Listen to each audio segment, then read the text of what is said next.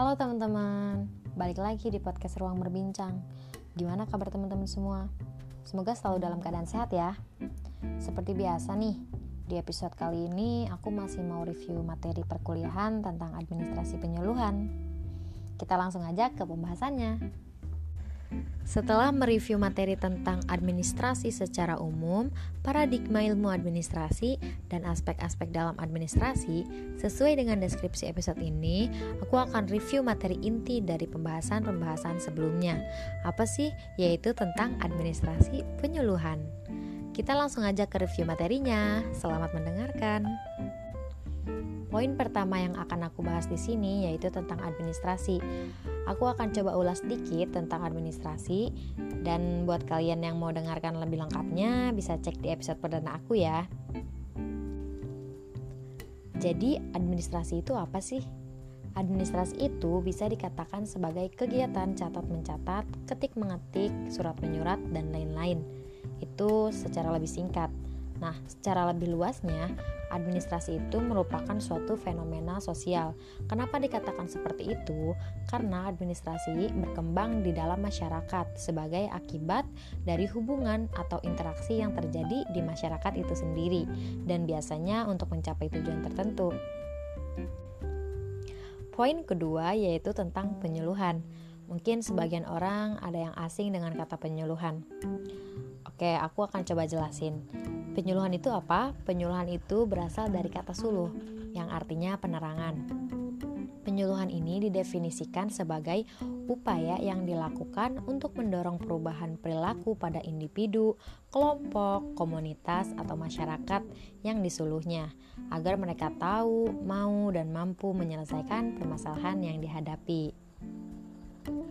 Sebelum kita melakukan penyuluhan langsung ke masyarakat, tentunya agar program atau kegiatan tersebut dapat dicapai dengan rasional, efektif, dan efisien, maka diperlukan suatu perumusan program penyuluhan yang benar.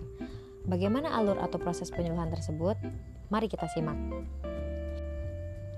Yang pertama ada pengenalan dan analisis keadaan.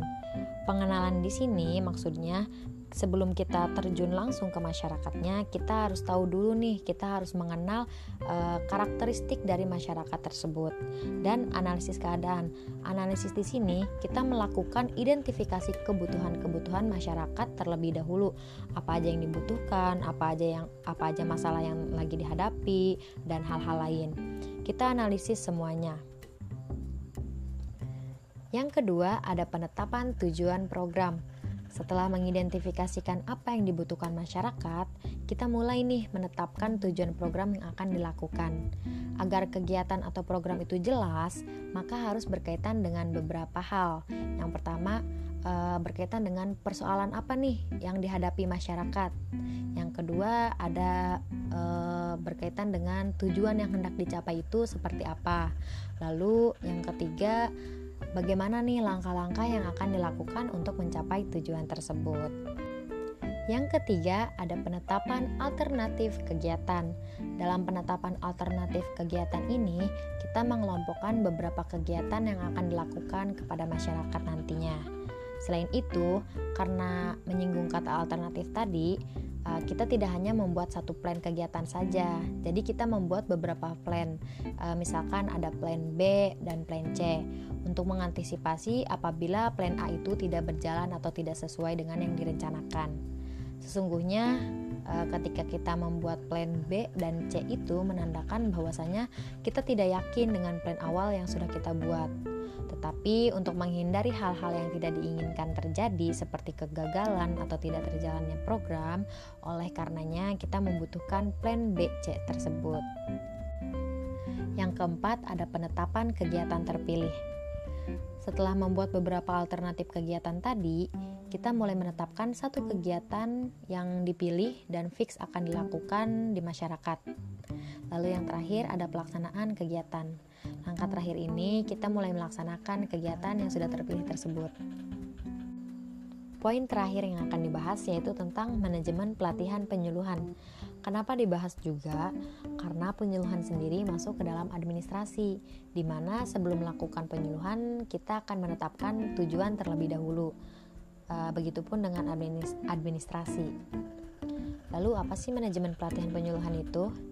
Yaitu suatu kegiatan perencanaan dari awal hingga pelaksanaan dan juga evaluasi kegiatan pelatihan penyuluhan. Di dalam pelatihan penyuluhan pun terdapat beberapa tahapan yang mesti dilakukan. Yang pertama ada menetapkan tujuan. Ini sudah sangat jelas ya, karena sebelum memulai kegiatan pelatihan penyuluhan, kita harus uh, tahu dulu tujuan seperti apa yang hendak kita capai. Lalu yang kedua ada tahap perencanaan.